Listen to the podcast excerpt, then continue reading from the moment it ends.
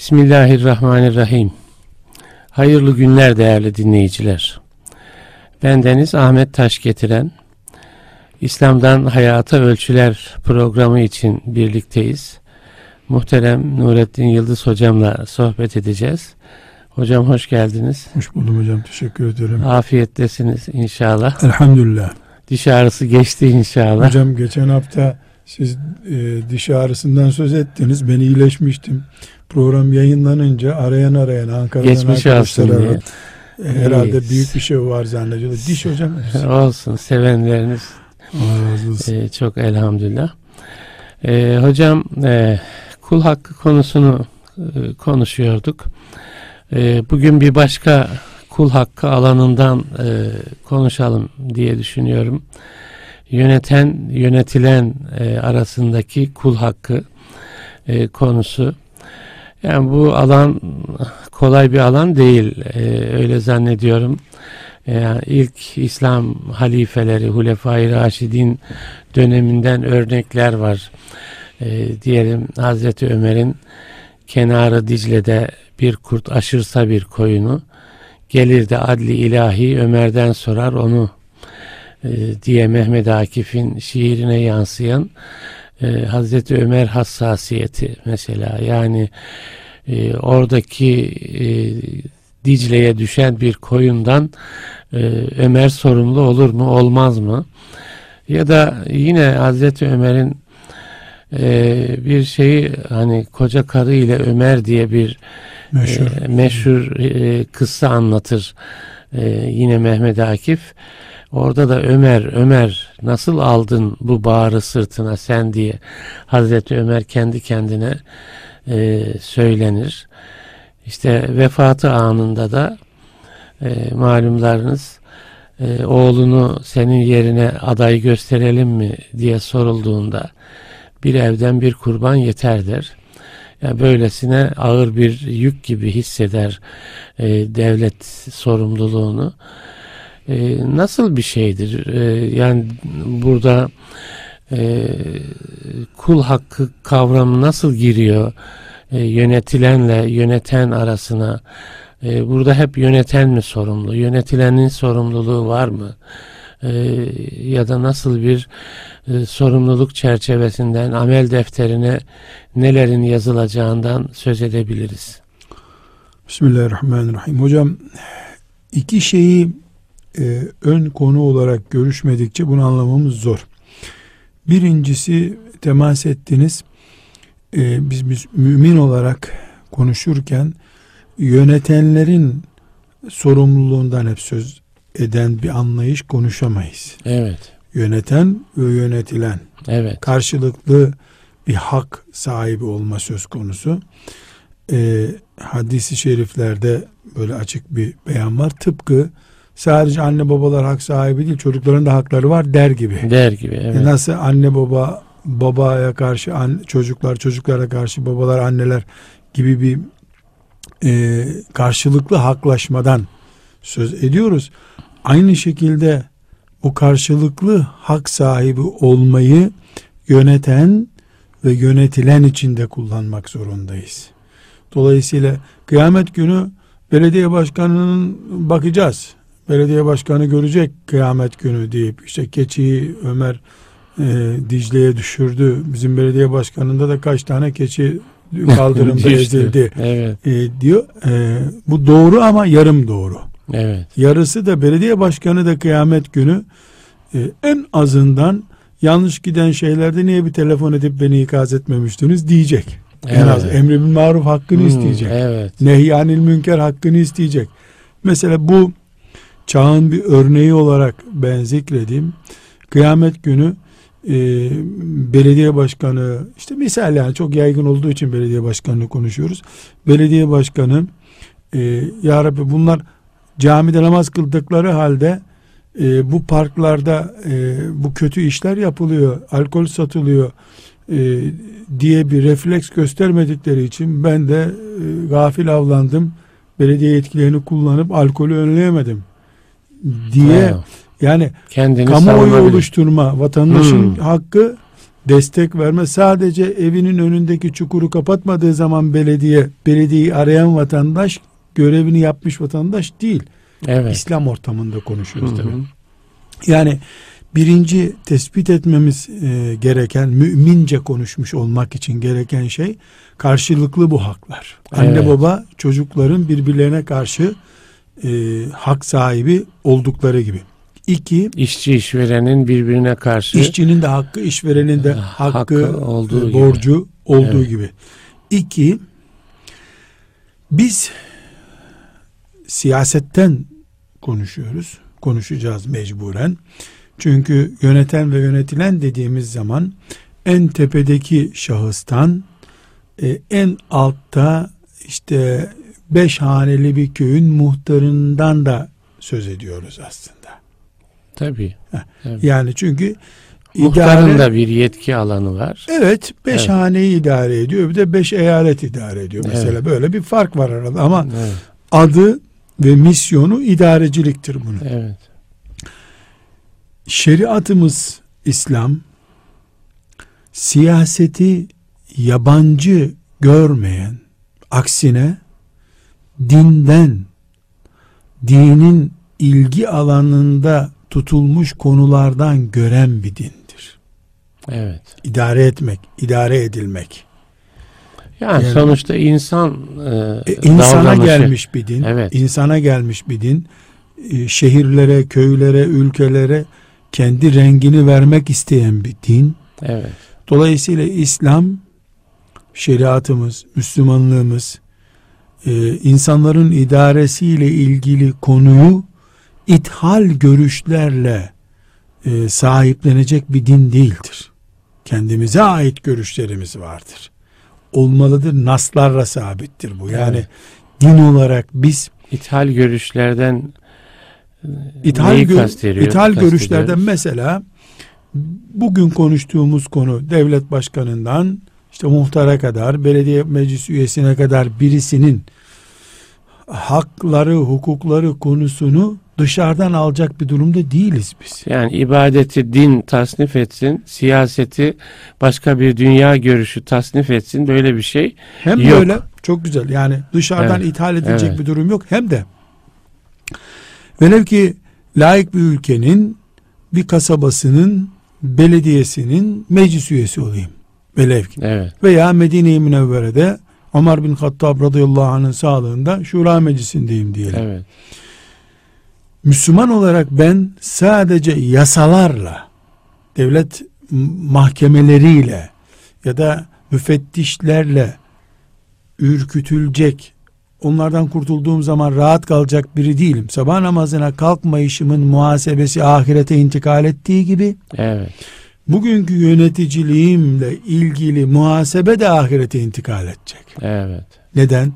Çünkü dinimiz herhangi bir şekilde boş bıraktığı bir alanda değiliz biz. Evet. Özellikle yöneten ve yönetilen diye onlarca hadisi şerif var. Evet. Efendimiz sallallahu aleyhi ve sellem'den bize intikal eden. Fıkıhta konudur bu. Hatta yönetim meselesi çok enteresan üstadım. Esasen bir fıkıh konusu olduğu halde akide kitaplarında işlenir hep. Hmm. Çok önemli bir konu. Ne açıdan e, Mesela- akide kitaplarına konu oluyor? Çok önemli. Yani normalde Yani günlük imanla bağlantılı bir Heh, boyutu olduğu evet. için. bilhassa ümmeti Muhammed'in ehli sünnet dışındaki e, fırkaları Şiilik bunu imana taalluk eden bir konu gördükleri için yönetilmeyi başlarındaki halifeyi bunu akide kitaplarına taşımışlardır. Ehli sünnetin uleması da işte taftazanilerimiz yani bizim meşhur akide müelliflerimiz raziler bunlar da bu cevapları akide kitapları üzerinden verdikleri için Hı hı. akide konusu gibi görünür ümmetin yönetilme konusu. Evet. Yani İslam'da siyaset var mı diye bir soru Hı hı. sorsak fıkıh kitaplarında yok akide kitaplarında var deriz. Evet. Yani evet. çok enteresan bir şey hocam. Yani bunu akide kitaplarına girmiş olması bir konunun Müslümanın kelime-i tevhidinin ilgi alanına giren bir konu demek bu. Evet. Bu çok önemli ikinci noktayı özetleyeyim hocam çok dağıtmadan konumuz parçalanmasın diye.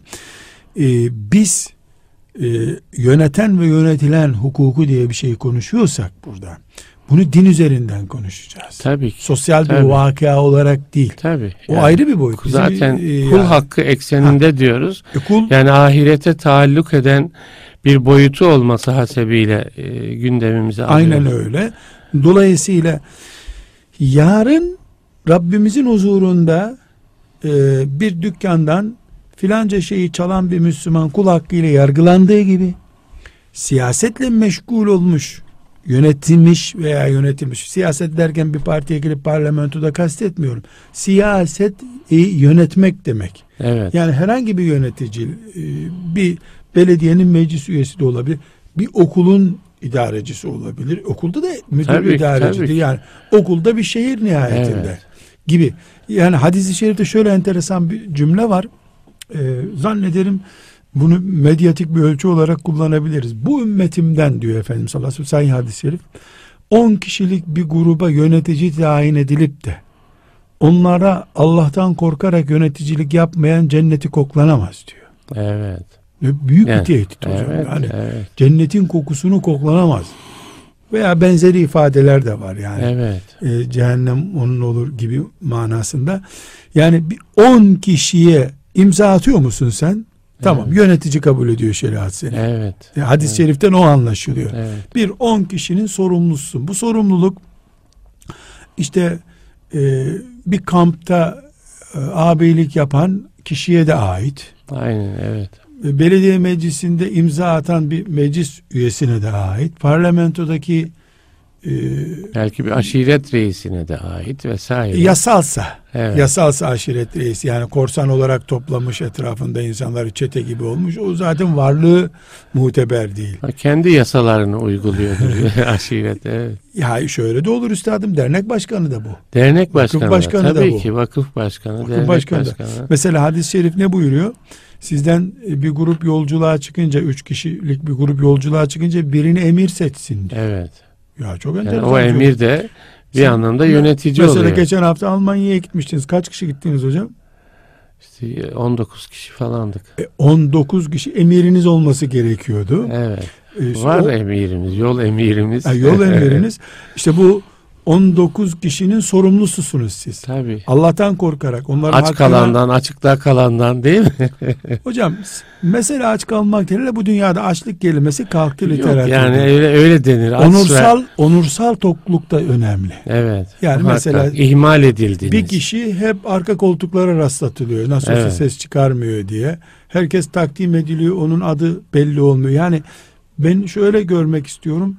Şahsen kendim mesela benim öğle yemeği yememden önemli bir yerdeki onurumun korunması. Muhakkak O- evet. O, onur daha değerli yani. Hele tabii tabii. medyatik çağda mesela fotoğraflarda hep sen çek deniyor. Bu, e, bu fotoğrafçı kalıyor adı hiç gezide yok gibi oluyor. evet. Bunlar idarecinin yani neyi örneklendirmeye Dikkate çalışıyor? alması lazım. İdarecinin bu hassasiyetleri Evet. kontrol etmesi gerekiyor. Kim Eğer kuytu alanda kaldı, kim öne çıktı onlar bile. biri öbürüne zulmediyor olabilir. Evet. Yani doğru. bu da onun sorumluluğu alanında. evet. Her halükarda e, iki haneli rakamı bulduğu zaman bir kitle yani 9 rakamını açtık 10 kişi oldu mu birisi liderse yönetici ise sorumlu ise kıyamet gününe taşınacak bu konu. Özeti Evet. bu bu meselenin. Doğru. Kıyamet gününe gidecek. Dolayısıyla şef fabrikada şef veya su idarelerinde şef veya belediyenin filan biriminde şef, okulda müdür yardımcısı. Emekli olduk elhamdülillah helalleştik arkadaşlarla gittik. Kesinlikle böyle değil. Evet. Helalleştik gittik yok. 20 senedir bu okulda müdür yardımcısınız, müdürsünüz. Ee, 20. senesine kadar 50 tane personel, 3000 4000 talebe geldi geçti oradan. Evet. Siz son kalanlarla helalleşmişsiniz. Onlar sizi 6 aydır görüyorlar belki. Hakkımı helal ettim diyorsun. 15 sene önceki işkencelerin, eziyetlerinin sahipleri nerede? evet. Mümin Yani oralarda daha da geniş sanıyorum hocam. Mesela müdür yardımcısı veya müdür. Yani belki hani okul personeli açısından biraz örnek verdiniz. Ama öğrenciler açısından da bir anlamda yönetici değil mi? Veliler açısından Evet. yönetici. Yani o zaman o hukuk binlerce insanı ilgilendirmeye başlıyor yani. Hocam şimdi dalga dalga büyüyor bu. Evet. Bir öğrenciye öğretmen işkence yapıyor. Evet. Eğer öğrenci ben müdür muavinine gidersem bu işkenceyi önler düşünemiyorsa öğretmenden önce muavin sorumlu. Mesela evet. Niye? Sığınma noktasında körelme var. Evet. Evet işkenceyi öğretmen yapıyor. Ama e, o e, hiyerarşi içerisinde öğrencinin sığınacağı bir yardımcı bulunması gerekiyor. O temin edilemiyor. O aktif değilse eğer o zaman ortaklar bu sorumluda. Evet. Müdür de yardımcısının bu aktif olması gereken noktayı kullanmaması, aktif olmamasının hesabını sormuyorsa bu sefer müdür de bunun ortağı. Yani bir taş atıyoruz. Bu taş yayıldığı kadar evet, evet, e, evet. suyu çalkalıyor. Evet. Aynı şekilde yöneticiler hesap ederken bu şekilde hesap edecekler. Bunun için e, Müslüman kültüründe yöneticilik ateşten gömlek diye bir ifade evet, olarak ateşten evet. çok hoş bir deyim bu. Doğru. Yani doğru. gömlek zorunlu bir şey. Çıplak kalamıyorsun. Evet. Ateşten gömlek e, yani bunu giydin mi de yanıyorsun. Yanma evet, ihtimalin yanma çok yüksek. Ihtimali. Bunun için e, Müslümanlar olarak biz yönetimi bırakıp kaçmaktan asla söz edemeyiz. Yönetimi bırakıp kaçamayız. Evet. Neden? Çünkü yönetimi hadi siyaseti bıraktın okul yönetimini de mi bırakacaksın? Bir apartmanda yönetici olmayınca o apartman belli oluyor. Merdivenleri sokak gibi oluyor mesela. Aile yönetimini ne yapacaksın? Aile hadi aileyi biz çok daha, daha bir manada değil. aile başlığı altında anne baba İşledik, hukuku, evet. eş hukuku altında ele aldık diyelim. Evet. Çünkü yabancı kimse yok. Evet. Ee, yani benim dedelerim, nenelerim, yeğenlerim nihayetinde ben bir saat içinde hepsini bir şamatik bir listeye koyabilirim. Evet. Ama e, okulda müdür yardımcısı olduğum zaman, mahallede muhtar olduğum zaman 100 sene sonra bir daha bu takvimi çıkarmam mümkün değil. Kimdi benim helalleşmem evet. gereken kimseler. Evet. Özellikle örneklendiriyorum. Mesela e, bir imam efendiyle e, tesadüfen ben namaz kılmak için camiye girmiştim Anadolu'da bir yerde. İmam efendi namazdan sonra ayağa kalktı. Ee, çok duygusal bir konuşma yaptı. Ağlayacak gibi oldu. Belki de ağlamıştır yani ben gözlerine evet. dikkat etmedim. He, emekli oluyorum. Hakkınızı helal edin. Dört senedir burada size namaz kıldırdım. İşte şu kadar senedir imamım ben. Sizden çok mutluyum. Cemaatte kalktılar, kucaklaştılar filan. Ee, beni tanımadı imam efendi. Ben yanaştım selamünaleyküm aleyküm selam. Ben dedim bir namaz kıldım bir namazlık helallik verebilirim size dedim. Esprimden hoşlandı.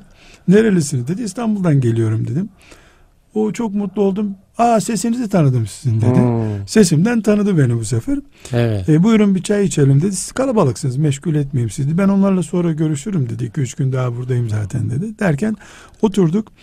Bana dedi ki memnun oldunuz mu dedi yaptığım hareketten dedi. Hmm. Dedim evet. sizi tebrik etmek için zaten geldim size dedim. Yani namazdan sonra geldim. Tebrik ettim dedim. Çok güzel yaptınız. Allah razı olsun dedim. Bu örnek bir hareket oldu dedim. Ya dedi çok riya olur mu diye filan tereddüt ettim hmm. dedi. Ne riyası olacak dedim. Hakikaten helallik istediniz ama e, bu mahallenin imamısınız siz dedim. Böyle 2-3 bin nüfuslu bir kasabanın e, imamıydı. E, siz burada bu mahallenin imamısınız dedim.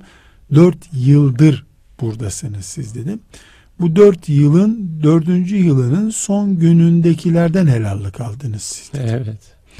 Burada kadınlar da sizi gelip dinlediler. Ee, dördüncü senesinden önceki senede buradan taşınmış insanlar geldi geçti. Benim gibi bir defalarına gelmiş kimseler. Ya dedi ben onları nasıl bulacağım dedi. Bulmak zorunda değilsin. Helallik bu kadar kolay değil demek istiyorum sana hı hı. dedi. Yani üç kişiden para almıştın sen. Üçüncü kişiyle helallaştın. Haklar bitti deniyor. Evet. Böyle bir şey olmaz. Yani sen çok üstün körü yaptın bunu ama bu niyetin helallikten değerli dedim. Sen evet. bir itibar etmişsin insanlara. Ama bu sözünüz ee, bu helallik işinin ne kadar geniş kapsamlı olduğunu. Hocam herkes çapına göre evet, düşünecek. Tabii. Şimdi mesela e, kendimden örnek vereyim. Hep başkasından örnek veriyoruz. Çok yakın bir zamanda Antalya'dan birisi beni aradı. Evet. Becermiş. E, bulaşmış. Selamun aleyküm Nurattin Aleyküm selam dedi. 50'ye yakın dersinizi dinledim dedi. Çok etkileniyorum sizden ama herhalde daha dinlemeyeceğim dedi. Serbestsin dinleme ama niye dinlemiyorsun dedim. Ya dedi köylü kelimesini çok kullanıyorsunuz dedi. Ben bundan alınıyorum dedi. Evet. Ben köylüyüm ama internetten sizi izliyorum dedi. Yani köylülük bir kabahat mi dedi. Bundan sonra dedim bunun nesinden alınıyorsun dedim. Dedi ki Kur'an-ı Kerim dedi köylüleri dedi iman etmeyenlere örnek veriyor dedi. Evet. Yani kültürsüzlere örnek Hmm. veriyor. Ama dedim bak bu sefer sen bana zulmettin dedim. Bizim örfümüzde köylü şehirde yaşamayan doğal hayat yaşayan insan demek. Tereyağını kendisi yapan, ayran içen, gazoz içmeyen adam demek. Tahkir yok Hı bu şeyde. Öyle değil dedi. Televizyonlardaki filmlerde köylüleri beceriksiz insan olarak dedi lanse ediyorlar dedi. Size dedi yakıştıramıyorum bu kelimeyi dedi. Peki hak mı istiyorsun dedim. Dedi niyetini bilmiyorum senin ama dedi ben çok alınıyorum dedi. Çocuğum bile dedi bu hoca bizi dedi komik görüyor dedi. dedi. Dedim ben senden helallik istiyorum dedim. Antalya'ya geldiğimde de ziyaret edeceğim sen bana adresini ver dedim. Helallik istiyorum senden. Bu kelimeyi de daha kullanmayacağım dedim. Güzel. Yaklaşık 4-5 ay oluyor. Hakikaten ondan sonraki derslerimde bu kelimeyi daha köylü kelimesini kullanmadım. Evet. Halbuki kastım öyle değil. Bizim örfümüzün öyle düşünmediğini, yani örfümüzde öyle bir kelime olmadığını düşünüyorum. Ee, bu sefer o da dedi ki hocam gelmene gerek yok dedi. Bu nezaketin yeter dedi ya dedi. Teşekkür Evet. ederim dedi. Şimdi helalleştik ama. evet. Ama her halükarda e, insanların e, yani yönetimini konuşuyoruz biz. Bu yönetimde ben mesela bir hoca olarak konuşma yapıyorum. Bir kelime kullanıyorum. İstanbul'da bu konuşmayı yapıyorum. Antalya'da bir Müslüman internetten o konuşmamı dinliyor. Üzerine alıyor bu sözü. Evet. Alınıyor. Bunlar çok oluyor hocam. Yani genel ifadeler kullanılıyor. Diyelim İnsanız hocam. bir e, kavmi aidiyeti e, söz konusu ediyorsunuz. Onunla ilgili bir e, hoşuna gitmeyecek bir şey söylüyorsunuz mesela. Elbette. Yani o ya siz onu belki hiç farkında olmadan söylüyorsunuz ama bir büyük kitle ondan e, rahatsız oluyor. Onu Olabilir. suçlanma gibi hissediyor. İşte bunu bir idareci, siyasi yetkileri olan birine hasredelim. evet, evet. Yani bir idareci mesela bir şehire gidiyor. O şehirde hep bir belli dükkana uğruyor. O dükkana uğradığı için onun artışları yükseliyor. evet. Mesela filanca siyasetçi işte gelinini filan hastaneye götürdü doğum yapmak için diyor. O hastanede bir daha doğumunda sıra alamıyorsun. Evet. Yani bu bir hak meselesi. Yani filancayı işar, işar ihsas re'i deniyor ya ihsas Evet, re'i evet. ettiriyorsun. Veyahut işar ediyorsun ki bu kalitelidir. Yoksa bu siyaset adamı gider mi bu Evet. şey diyorsun. Bu sebeple e, siyasetçilerin benim burada e, konuştuğum şey siyasetçilerin, okul idarecilerinin insanlara imzası ile etkin durumda olan birilerinin idareci hep buna diyelim. İmzası para eden adam yani. Buna diyelim biz. Şu- evet. Veya devlet yetkisini Evet. ucundan bir yerden kullanan insanlara idareci diyelim. Önce şuna inanmaları gerekiyor. Bir, biz burada mahkemede ibra ediliyor olabiliriz. evet. Seçimlerde tekrar kazanmam benim kazan oyum arttı veyahut da ben tekrar tayin edildim. Yapılan ankette yüzde seksen bana istek çıktı. Olabilir. Ama sabah namazında ki ahirete taşınacaklık pay bunda da taşınacak. Üstelik sabah namazının Allah'ın mağfiret dalgaları içerisinde mağfiret olup gitme ihtimali çok yüksek yüzde ellinin üstünde ama idarecinin Evet. sıkıntılarının mağfirete görme ihtimali yok. İlla helallik olacak. Helallik olacak. O da o kadar zor ki. O kadar zor. Yani kapsama alanı itibariyle. Burada hocam isterseniz şefaatine vesile olur inşallah. Efendimiz sallallahu aleyhi ve sellem'den aleyhi iki örnek vermek istiyorum. lütfen. Şimdi idareci diyoruz da siz Ömer'le başladınız radıyallahu anh sanki Ömer'den önce yokmuş gibi görünüyor da Evet. ben hemen hadis-i şerifi okudum 10 kişiyi idare edip onlarda Allah'tan korkmadan kararlar veren yandı kıyamet günü diyen hadisi okuduk. Hocam iki şey çok önemli. Bir gün ashab-ı kiramdan bir grup Efendimiz'e geliyorlar. Diyorlar ki ya Resulallah biliyorsunuz bir kıtlık söz konusu. Medine'ye mal gelmiyor. Mal gelmeyince piyasada fiyatlar çok yükseldi. Evet. Lütfedip bir piyasaya müdahale etseniz. Evet. Mesela buğday şu kadardan satılacak. Zaten 20 çeşit mal var Medine'de belki. İşte elbise şu fiyattan fazlaya satılmayacak buyursanız diye rica ediyorlar efendim. Nar koysanız. Nar da diyebiliriz. Piyasaya geçici bir müdahale. Müdahale. Müdahale et. Çünkü mal gel mal azaltınca stokta kalanını pahalı satıyor Hı hı. esnaf. Buyurmuş ki Efendimiz sallallahu aleyhi ve sellem ben Allah'ın huzuruna çıktığımda kul hakkıyla çıkmak istemiyorum. Daraltan da genişleten de Allah ben ne yapayım buyurmuş. Evet. Yani piyasayı daraltan da genişleten de Allah. Hocam bu çok önemli.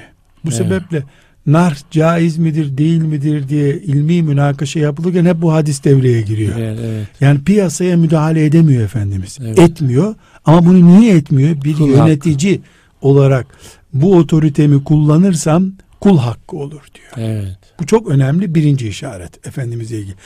Bunu düşünmeyen yönetici mesela bunu bir düşünelim.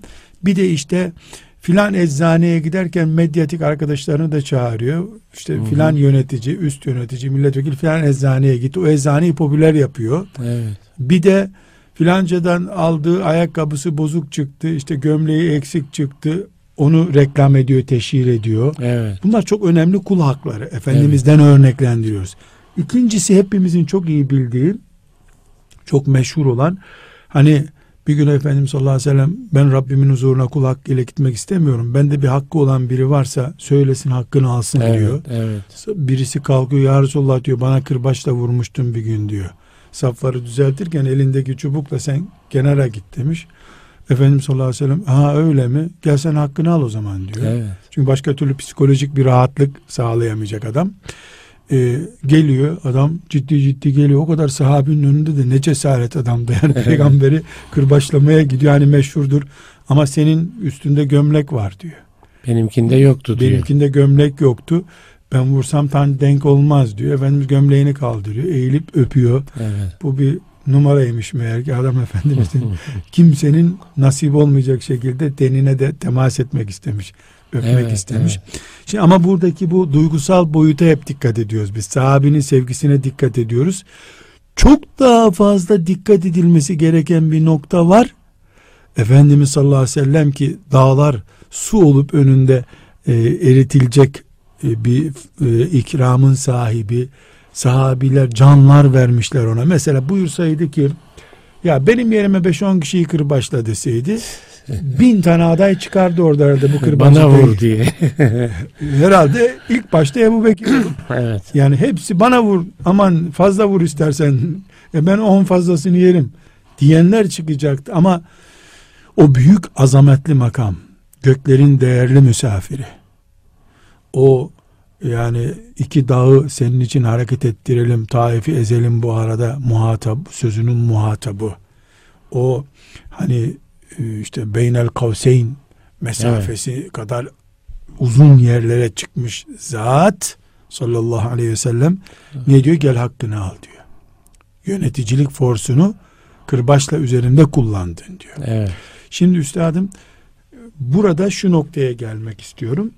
Birincisi ümmeti Muhammed'in veya kafir bir ülkede bir yerin veya bir fabrikada bir yerin, özel okulda bir yerin yöneticisi emekli olmakla e, hak dosyasını kapatamaz. Emekli olunca sabah namazları ibra ediliyor. Yeniden mi namaz kılıyoruz? Biz emeklilik sonrası bir daha mı namaz dosyası açıyoruz? 10 yaşından beri kıldığım bütün namazlar aynı dosyada bekliyor. Tabii. Dolayısıyla bizim kul haklarımız ahirete intikal eder. Yöneticilik hakları 10 kere intikal eder ahirete. Evet. Çünkü birinde hani kamusal güç kullanarak e, zulmediyorsun ki bu çiftçinin yan tarladan iki metre fazla buğdayı biçmesinden daha güçlü bir şey bu. Yani çünkü devlet gücü kullanarak zulmediyor. Burada bütün en baş yöneticiden alt yöneticilere kadar yöneten insanların her gün sabah namazına kalkmayı Allah'ın emri olarak gördürüyorlar. Yoksa ucunda cehennem var. Oturduğu masanın da kıyamet günü sırattan sonraya geçeceğini veya sırattan önceye kalacağını bilmesi. O masalar ahirete gidecek. Bu çok önemli. Kesin evet. Ya ateşten koltukta oturuyor yönetici ya da cennet hurilerinin bulunduğu bir koltukta oturuyor. Bunun lamıcımı yok denir ya bizim Evet, Anadolu. evet, evet. Bunun lamıcımı yok. Evet. Çok Burada önemli. şu noktaya taşımak istiyorum. Yöneticiliği Müslümansak eğer biz hayatın gereklerinden biri gibi değil, imanın gereklerinden biri gibi yapacağız. Evet. İmanımızla ilgili bir konu. Yani bu. ahirete götürülecek bir dosyayı hazırlıyorsun. Ahirete götürülecek bir dosyayı hazırlıyoruz. Evet. Ne, neden? Yani başka türlü bizim akide kitaplarına bile giren bir konu olmasının bir manası yok burada. Evet. İkinci e, konuya geçeceğim. ikinci başlığa geçeceğim. Şöyle de bir konuyu şey yapsak hocam. Bu yöneti, yöneten yönetilen ilişkisinde e, kul hakkı ihlalleri genelde nasıl oluyor? Ha, ona geliyorum evet, şimdi. Tamam. Yani bu önce bu yeri oturtmak Tamam. istedim. Tamam. Bu bir yere otursun ki ondan sonraki bentleri Yani biraz da bu demin söylediğim şey yani e, insanlar neye dikkat etmeli? Bazen de ya bu işin raconu bu gibi bir mantık oluşuyor, Maazallah. bir his oluşuyor. Ya ya şu alanlar tehlikeli alanlardır. Şunu yaparsanız kırmızı çizgiye yaklaşmış olursunuz gibi bir e, Birinci uyarı, maddemiz evet. üstadım liyakatı olmadan bir koltuğa oturmayacak yönetici. Evet, bu çok önemli. Bu bir. Bu bir, evet. Biz liyakat sadece doktorda arıyoruz biliyor musunuz? Uzman Evet. mı değil mi diye. Niye tabu dairesindeki de uzman olmuyor? Evet. Yani liyakatı olmadan nasıl oturur? Tabi hepimiz bunu çok iyi biliyoruz. Burada biz mikrofonun önünde izah etmeyelim bunu. Evet. Torpille, adam kayırmayla vesaireyle. Evet. Çünkü eğer biz liyakatı yani liyakat anlaşılan bir kelime mi acaba? Tabii layık olma diyelim. Yani o, o görevin uzmanı olma. Uzmanı hakkı olma, olma. evet. Mesela en basit örnek vereyim hocam. Çaycılık liyakat gerektiriyor mu gerektirmiyor mu? E, tabii ki gerektiriyor. Yani çay dediğin herkese ikram ediyorsun, Evet. kaynatıp veriyorsun bir şey değil ki. Onda bir kalitesi var. tabii, Demlenmesi tabii. vesairesi. İnsanlar illa bunu anadan doğma bilecekler diye bir şart yok ki. Üç gün çay tecrübesi yaptıktan sonra gir bu işe. Evet. Çaycılığa varıncaya kadar. Ünvan aldığın işin liyakatını, temizlik, çaycılık her neyse en alt isimleri Evet. kullanalım. Ehli olarak alan bir insan ve ehli olmadan alan bir insan. Evet. Eğer liyakatla bir göreve başladıysak kastım, hatam benim inadımdan e, olmadığı sürece ahirette bir sıkıntı yok. Evet. Yüz tane de hata yapabilirim. Allah gafurur rahim. Namazda da zaten ben öğleyi aslında üç kıldım, dört zannedip selam verdim. Kabul ediyor allah Teala. Evet. Yeter ki yeter bu kadar deyip de böyle bir gafletle e, namazı soğuk görerek yapmış olma bunu. Eğer biz liyakatla bir yönetici görevdeyse şunu söylüyoruz. Diyoruz ki kasten hata yapmadığı sürece yanlışlarını da Allah'ın mağfiretiyle umarız. Müslümanlar da haklarını helal etmek zorundalar. Kastı yok adamın çünkü. Evet. Ama liyakatı olmayan birisi. Mesela ancak 2000 kişilik bir kasaba ve ilçeye kaymakam olabilecek birisi yakın iktidarın adamıdır diye 20 milyonluk İstanbul'a vali geliyor. Vali yardımcısı Evet. geliyor. Bu vali yardımcısı geliyor. Ondan sonra da olayların altında boğulup gidiyor. Sekreteri bunu idare ediyor. Bu sekreterin idare edecek yerde. Böyle bir şey varsayalım. Burada mesuliyetten ebediyen kurtulamaz. Evet. Çünkü dünyanın her yerinde 2000 kişilik bir ilçe idare etmekle milyonluk bir şehri idare etmek aynı değil. Belli bir üst dosya gerekiyor. Bu sebeple e, önce liyakatla mı geldik buraya? Bakıyoruz. Liyakatla geldiysek biiznillahü teala liyakatımız zaten hainliğimizi engelliyor. Evet. E, o arada da beşer olarak hata yaptım, anlamadan imzaladım, iyi zannettim iyi değilmiş. Buraya yol yapılmasını faydalı buldum. Halbuki oradaki yol insanlara eziyet oldu. Ve hiç önemli değil. Bunlar önemli değil artık. Evet. İki, liyakatım olmayan bir işe girdim. Doğru da yapsam sıkıntı var burada. Evet. Girişi yanlış. Yani başlangıç yanlış. Dolayısıyla buradaki bütün hatalarım yüzde yüz ahirete gidecek. Bir de hocam tabii şimdi liyakat hiç kimse kendisini liyakatsiz görmüyor ki. Yani öyle de bir durum var yani. Görmüyor ama hocam Evet. komisyona referans olarak gösterdiğin adam seni Mehdi Aleyhisselam olarak lanse et diyor orada senin Evet. verdiğin bilgilerle. Yalan konuşma. Komisyona de ki ben ilkokul mezunuyum. Başka bir şey de yapmadım. Bundan anlıyorum. De bakalım alacaklar mı seni? Evet. Rüyanda gördüğün şehirleri gezmiş gibi anlatırsan seni e, şey, Cumhurbaşkanlığı sarayında bekçi de yaparlar o zaman. Evet. Yani bu liyakati yalanla mı oluşturuyorsun? Ehliyetinle mi oluşturuyorsun? Yani belgelendirilmiş liyakat var. Evet. Yalanla teyit edilmiş liyakat var. Evet. Bu bunlardan hangisi olduğunu kalbiyle zaten biz ahirete intikal Tabii, edecek tabii, boyutu tabii. konuşuyoruz. Tabii. Yalan devreye girdikten sonra bir sorun yok. Sorun yok. Ondan sonra serbest herkes istediği yere gitsin. evet. evet. Yani yalanla başladıktan sonra Zaten ahireti devreden çıkarmış oluyor. Ya, maazallah asas Allah tehlike korusun. orada. Burada birinci konu bu Evet, üstadım. liyakat konusu. liyakat konusu. Liyakatla göreve başlıyoruz. İkinci konu hocam benim için çok önemli. İdarecilerimiz maddi haklara itibar ediyorlar özellikle. Ben çalmadım hiç diyor. Hmm, Doğru. Evet. Ama biz Müslüman olarak maddi ve manevi haklar diye ikiye ayırmak zorundayız. Evet, manevi haklar neyi Yani maddi kast- haklar belli. Evet. Yani adamın e, işte iki katını yıktın. Sırf e, senin bahçen ışık görsün diye. Bu maddi hak. Evet. Manevi hakka gelince insan onurunun malı kadar belki en azından diyeceğim daha fazlası belki abartı olacak malı kadar değerli tutulması lazım. Evet. Yani bizde mesela ben farklı bir şey olarak anlatıyorum. 70 yaşında bir teyze bastonuyla bir yerde sıra beklerken işte ona oradaki e, memurlardan birisi teyze arkaya geç diye bağırınca ya bu yaşlıya bu saygısızlık yapılır mı deniyor. Delikanlıyı arkaya geç deyince kimse buna rahatsız olmuyor. Delikanlının onuru da onurdur. Tabii ki. Yani onur açısından insan insandır. Yaşlının artı hakkı vardır. Yaştan kaynaklanan. Evet. Kaldı ki bu onur da Müslüman olmayanın bile hesaba katılması. Yani sadece Müslümanın onuru olmaz. Kafirin de onuru var. Efendimiz Aleyhisselam kafirin de yüzüne vurulmasını yasaklıyor. Evet. Yani insan bu nihayetinde. Bir cenaze için meşhur ayağa kalkıyor Efendimiz de Yahudiydi ya Resulullah diyorlar ama insandı diyor. Evet. E bu bir bakış tarzı. Binaenaleyh e, ikinci nokta Yani yönettiğinizin inancı e, sizin onun onuru konusunda farklı Sen- davranmanıza e, sebep İnanç- olmamalı. inanç mahkemesi başkanı değilsin ki. Evet. Yani senin görevin orada bir sosyal bir hizmet yapmak, maddi bir hizmet yapmak, tıp vesaire neyse ilgi alanı. Yani bunu çok dikkatli kullanmak Evet. gerekiyor. Müslüman yönetici insanların onurlarını da hak maddesi kabul edecek. Çok önemli. Evet. Halbuki bizde mesela şu gördüğün 5 yıllık işletmem döneminde 1 lira benim intikal etmemiştir dosyama. Gayrimeşru. Evet. Gayrimeşru intikal. Gayrimeşru para zaten bütün dünyada yasak. Evet. Ahiret hesabı yapan insanlar için bunu konuşmaya gerek yok. Evet. Zaten mahkemeler seni yakalıyorlar.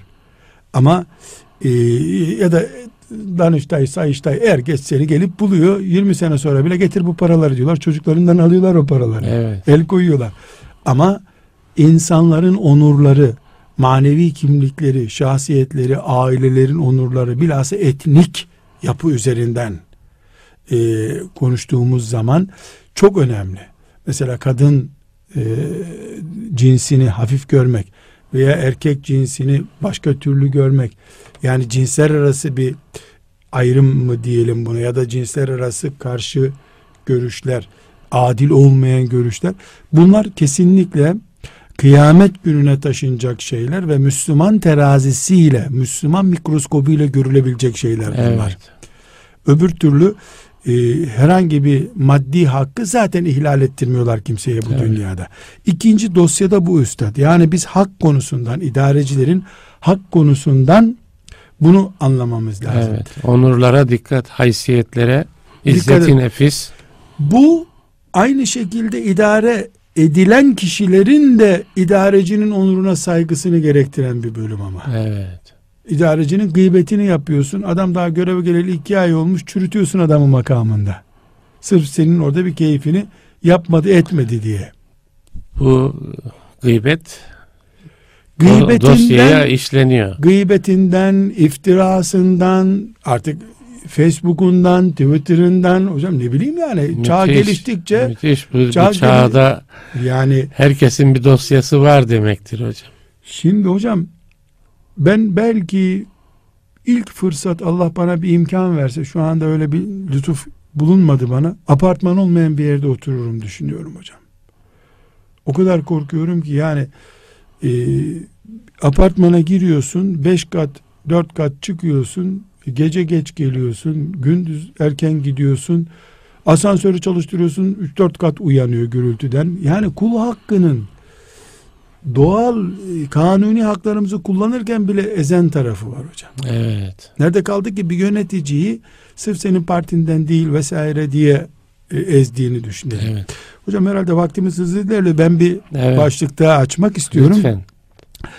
Bir konumuz daha var hocam. O da şu. Biz bir devlette devlete bağlı bir birimde görev aldık. Bu devletimiz e, şeriat inceliklerini itibar etmeyen bir devlet. Yoksa yani Mesela. Mesela e, herhangi bir devlet nekire bir ifade kullanıyorum bunu. E, bizim İhya dinimizi ölçü alıp da memur nedir, amir nedir ayarlayacak bir yapı yok ortada. Evet. E, biz çekilelim bu dünya e, bun- buna iman edenlerin olsun demem mümkün değil. O zaman kendimi, dinimi, mustakbelimi, nesillerime emanet edeceğim dünyayı harap etmiş olurum. Mecburen Müslümanlar da burada görev almalılar. Karşımıza bir sorun çıkıyor. Biz, ben mesela böyle bir sistemde görev aldım. Evet.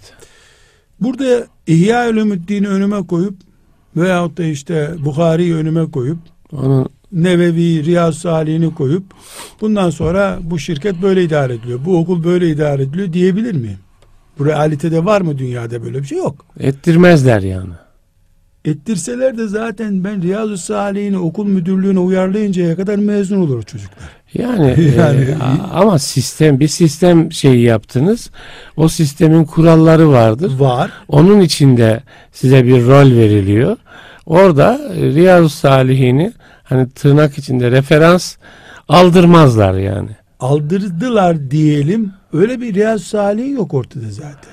Yani, Yani yani kurallaşmış, kaideleşmiş bir Riyazu Salih'in yok. düzenleme diye bir bölüm var mı sizin bastığınız Riyazu Salih? Ama olsa da e, Olsa bile olsa bile yok. size e, onu uygulatmazlar. Yani sistem ona göre kurulmuş değil çünkü. Değil. Evet. e, bunun muhatabı da yok karşında. Evet. Kabul edeni de Evet. yok. Şimdi burada Müslümanın e, şöyle bir alternatifi olabilir mi? Madem yok ben de e, kabul etmiyorum. Bu Yönetimden bir- çekiliyorum. Ha, evet. Bu olmaz. Hayattan çekilemeyiz biz. Hı hı. Evet ben alkolsüz bir markete gideceğim ama yaşadığım şehirde alkolsüz market yoksa e, sipariş mi vereceğim Antalya'dan domatesi ben? Evet. Ne yapıyorum? Allah'ın affına sığınıp buluncaya kadar işte 3-5 kilometre Arayıp etrafımda arayıp bulamayınca Allah'a sığınıp gözlerimi yumup dışarıdan alıp domatesi kaçıyorum. Sadece Evet. fırına gidiyorum belki de. Mevcut böyle bir gayri İslami olan düzende yönetici olanlar şeriat inceliklerini arama imkanı da bulamıyorlarsa, tatbik etme imkanı da bulamıyorlarsa ki bulamıyorlar. Bulamıyorlar, bulamayacaklar, evet. Bulamayacaklar da şu anda. O zaman mevcut yönergeler, düzenlemeler, kanunlar adı neyse yüzde yüz şeriatın bir maddesine ters düşmüyorsa eğer mesela okul müdürüne diyor ki çocuklara yılbaşında likör ikram et. evet. Bu açıkça şeriatı çiğneyen bir şey. evet. Ama o da ne diyor? Onun dışında ne diyor? Sabah 8'de çocuklar toplanır. Hepsinin kılık kıyafeti düzgün olur. Öğretmen sıranın önünde oturur. Yani bu tip şeyler. Hı hı. İşte not defteri tutar. Ee, Bunların yıllık yıllık program yapar. Şeriatla çelişen bir tarafı yok. E şeriat da olsa bunları diyecek zaten. Evet. Haftalık program yap diyecek. Evet. Günlük program yap diyecek. Bu düzenlemeler Müslüman yöneticiyi bağlayıcıdır. Ama Şeriata aykırı olmayan yüzde yüz şeriata ters düşen maddeleri hariç. hariç. evet. Hariç. E, onları da belki imza atacak yeri geldiğinde rızası olmadan Allah'ın affına sığınıp atacak. Hatta şirke düşmüş olmamak, e, Allah'ın şeriatına düşman hale gelmemek için. Ama öğrencilere karne, ödevle yıl içi ve yıl sonu notlarının ortalamasına göre verilir. Evet. 10 üzerinden verilir. 100 üzerinden verilir. Bunlar İmam-ı Azam'ın fıkıh kitaplarında belirlemesi gereken şeyler değil. Değil. Evet. Bunlar bizim ihtiyaçlarımız için Eğitim Bakanlığı'nın organize ettiği işlerdir. Evet. Dolayısıyla burada biz ahirete intikal eden kulakları diyoruz ya. öğretmen, müdür ya boş ver bunları kim hazırlamış ya Bakara suresinde mi var sanki ödev notu deyip onu siliyor öğrencilerin bir kısmından. Bu bir kul hakkıdır. Evet. Niye? Öbür okulda çünkü böyle uygulanıyor bu. Oradaki gençle buradaki genci eşit olmayan şartlarda bu sefer eğitimde yarıştırıyorsun sen imtihanlarda. Veyahut onun filan kabiliyetinin gelişmesini Peki hocam burada bence asıl sorun şuralarda toplanabilir. Mesela e, İslami olmayan yani sistemin bir kuralı. Bunu uyguluyorsunuz ve bundan e, başka Müslümanlar zarar görüyor. Değil mi? Yönetici olarak uyguluyorsunuz. Siz dediniz ki Allah'ası yani af dileyerek e, insan uygular bunu. kabul etmemek, rıza Kabul göstermemek, etmemek, rıza ha, içten rıza göstermemek ama kul hakkı doğuyor ondan. doğan mesela. Örnekleri var diyorsunuz. Ha, yani. olabilir İlerisi- yani. Tabii, olabilir tabii, diyorum. Yani o zaman o kul hakkı yani nasıl mazur görülebilecek yani? Çok basit örnek hocam. Polise talimat veriyor amiri. Evet. Çek git e, filanca medreseyi bas diyor. İşte bu Evet. ülkede daha yeni yeni onları unutmaya başladık Evet. yani. Az mı duyduk 28 Şubat'ta mesela. Ben abdest almaya inmiştim 28 Şubat'ta geldim. Ders dinliyordum. Kur'an dersi Evet. dinliyordum. Masamda ayakta biri duruyor. Elinde bir telsiz. Ne arıyorsunuz burada dedim. E, geldik dedi talebeyiz falan benimle istihza etmeye başladı. E, yani ben masamda böyle birini gördüm. Daha dündü bu. Evet. E, dündü. O orada ders dinlettiğim talebelerim e, şimdi iş güç sahibi oldular. Evet. Yani bu amir belki de namaz kılan, belki de e, o okunan Kur'anları anlayan birisiydi belki de diyelim. E, ama ona da emretmişler filanca medreseyi basacaksın demişler. Hı hı. Şimdi bu durumda alenen zulüm olan bir şey alkol de olabilir. Evet. Bir Müslümanı çiğnemek de olabilir. Ee, başka bir Müslümanın arazisini gasp etmek de olabilir. Burada ben kesinlikle karşı durmalıyım. Evet. Kudretim ne benim? Mesela e, çok basit bir misal. Belediye üç tane arkadaşının işte arazisi değer kazansın diye orasından full yol geçiriyor. Evet. O yolu geçirmenin aslında e, coğrafi olarak bir ihtiyaçlığı yok. Şehir trafiğini engelleyecek şeyi yok. Sadece oradaki üç kişinin arazisine diyorlar zaten bu arazileri al. Böyleymiş işler biz. Hı hı. Sonra da bizim Evet. anladığımız işler değil. Onlar da oradan arazisinden yolu geçiriyorlar. Geçen e, yol her tarafı değerlendiriyor ama 20 kişiyi de harap ediyor Evet. basit bir istimlak ücretiyle 20 kişiyi de harap ediyor. Meclis üyesinde e, iki yol var. Bunun başkanın hatırı olsun diye imzalıyordur. Günahın ortağıdır. Bu Evet. hakkı, bitti evet. bu. Evet. Muhalefet şerhi koyuyordur. Ben yokum bu işte. Evet. Tıpkı akşam arkadaşlar içki içmeye gider ben gitmedim. Ben gitmedim. Dolayısıyla ben mesul değilim. Ama belediye başkanı bunu emrediyor. E, tab, e, oradaki mesela istimlak müdürü de uyguluyor. Evet. İstimlak müdürüne ne düşer burada? Bu örneğimizi Evet. konuşuyoruz. Evet. Ee, başkanım bu bir insan kul hakkıdır. Evet. Ee, bunu yapmanız yanlıştır. O zaman sizi bu görevi bırakın istifa edin der. İstifa eder gider. Evet. İşte bu Mümin dirayeti budur. Tamam. İstifa. Ben bu tip arkadaşlara Evet. çok soruluyor diyorum ki bir şartım var ama diyorum. İstifa dilekçen evraklar arasına konacak mı? Konacak diyor. Çünkü başka türlü istifa etti anlaşılmaz. Büyük harflerle yazacaksın. Şu şu zulme razı olmadı. razı olmadığım için mümin Müslüman kimliğim beni geri çekiyor. Onun için istifa ediyorum diyeceksin. Ya hocam soruşturma geçiririm o zaman diyor. Daha güzel İskilipli arkadaş arıyor. Evet. Ha. evet. Ne arıyorsun Allah'tan daha ya? O büyük iş olurdu. O dirayet gösterilebilse. Ama hocam biz 25 senelik memurluk bitinceye kadar ki dünya hayatı için mi yaşıyoruz? Hani Ya, ebedi evet, ahiretimiz? Evet. Ümmet seni o zaman onurlu bir memur, iskilipli kafalı bir adam olarak Evet. hatırlasın. Hep böyle Evet. yani kendi memurluğu uğruna arkadaşlarını, mahallesini feda eden adam olarak bilinmesin. Bilinmesin. Hocam 5 dakikalık süremiz var.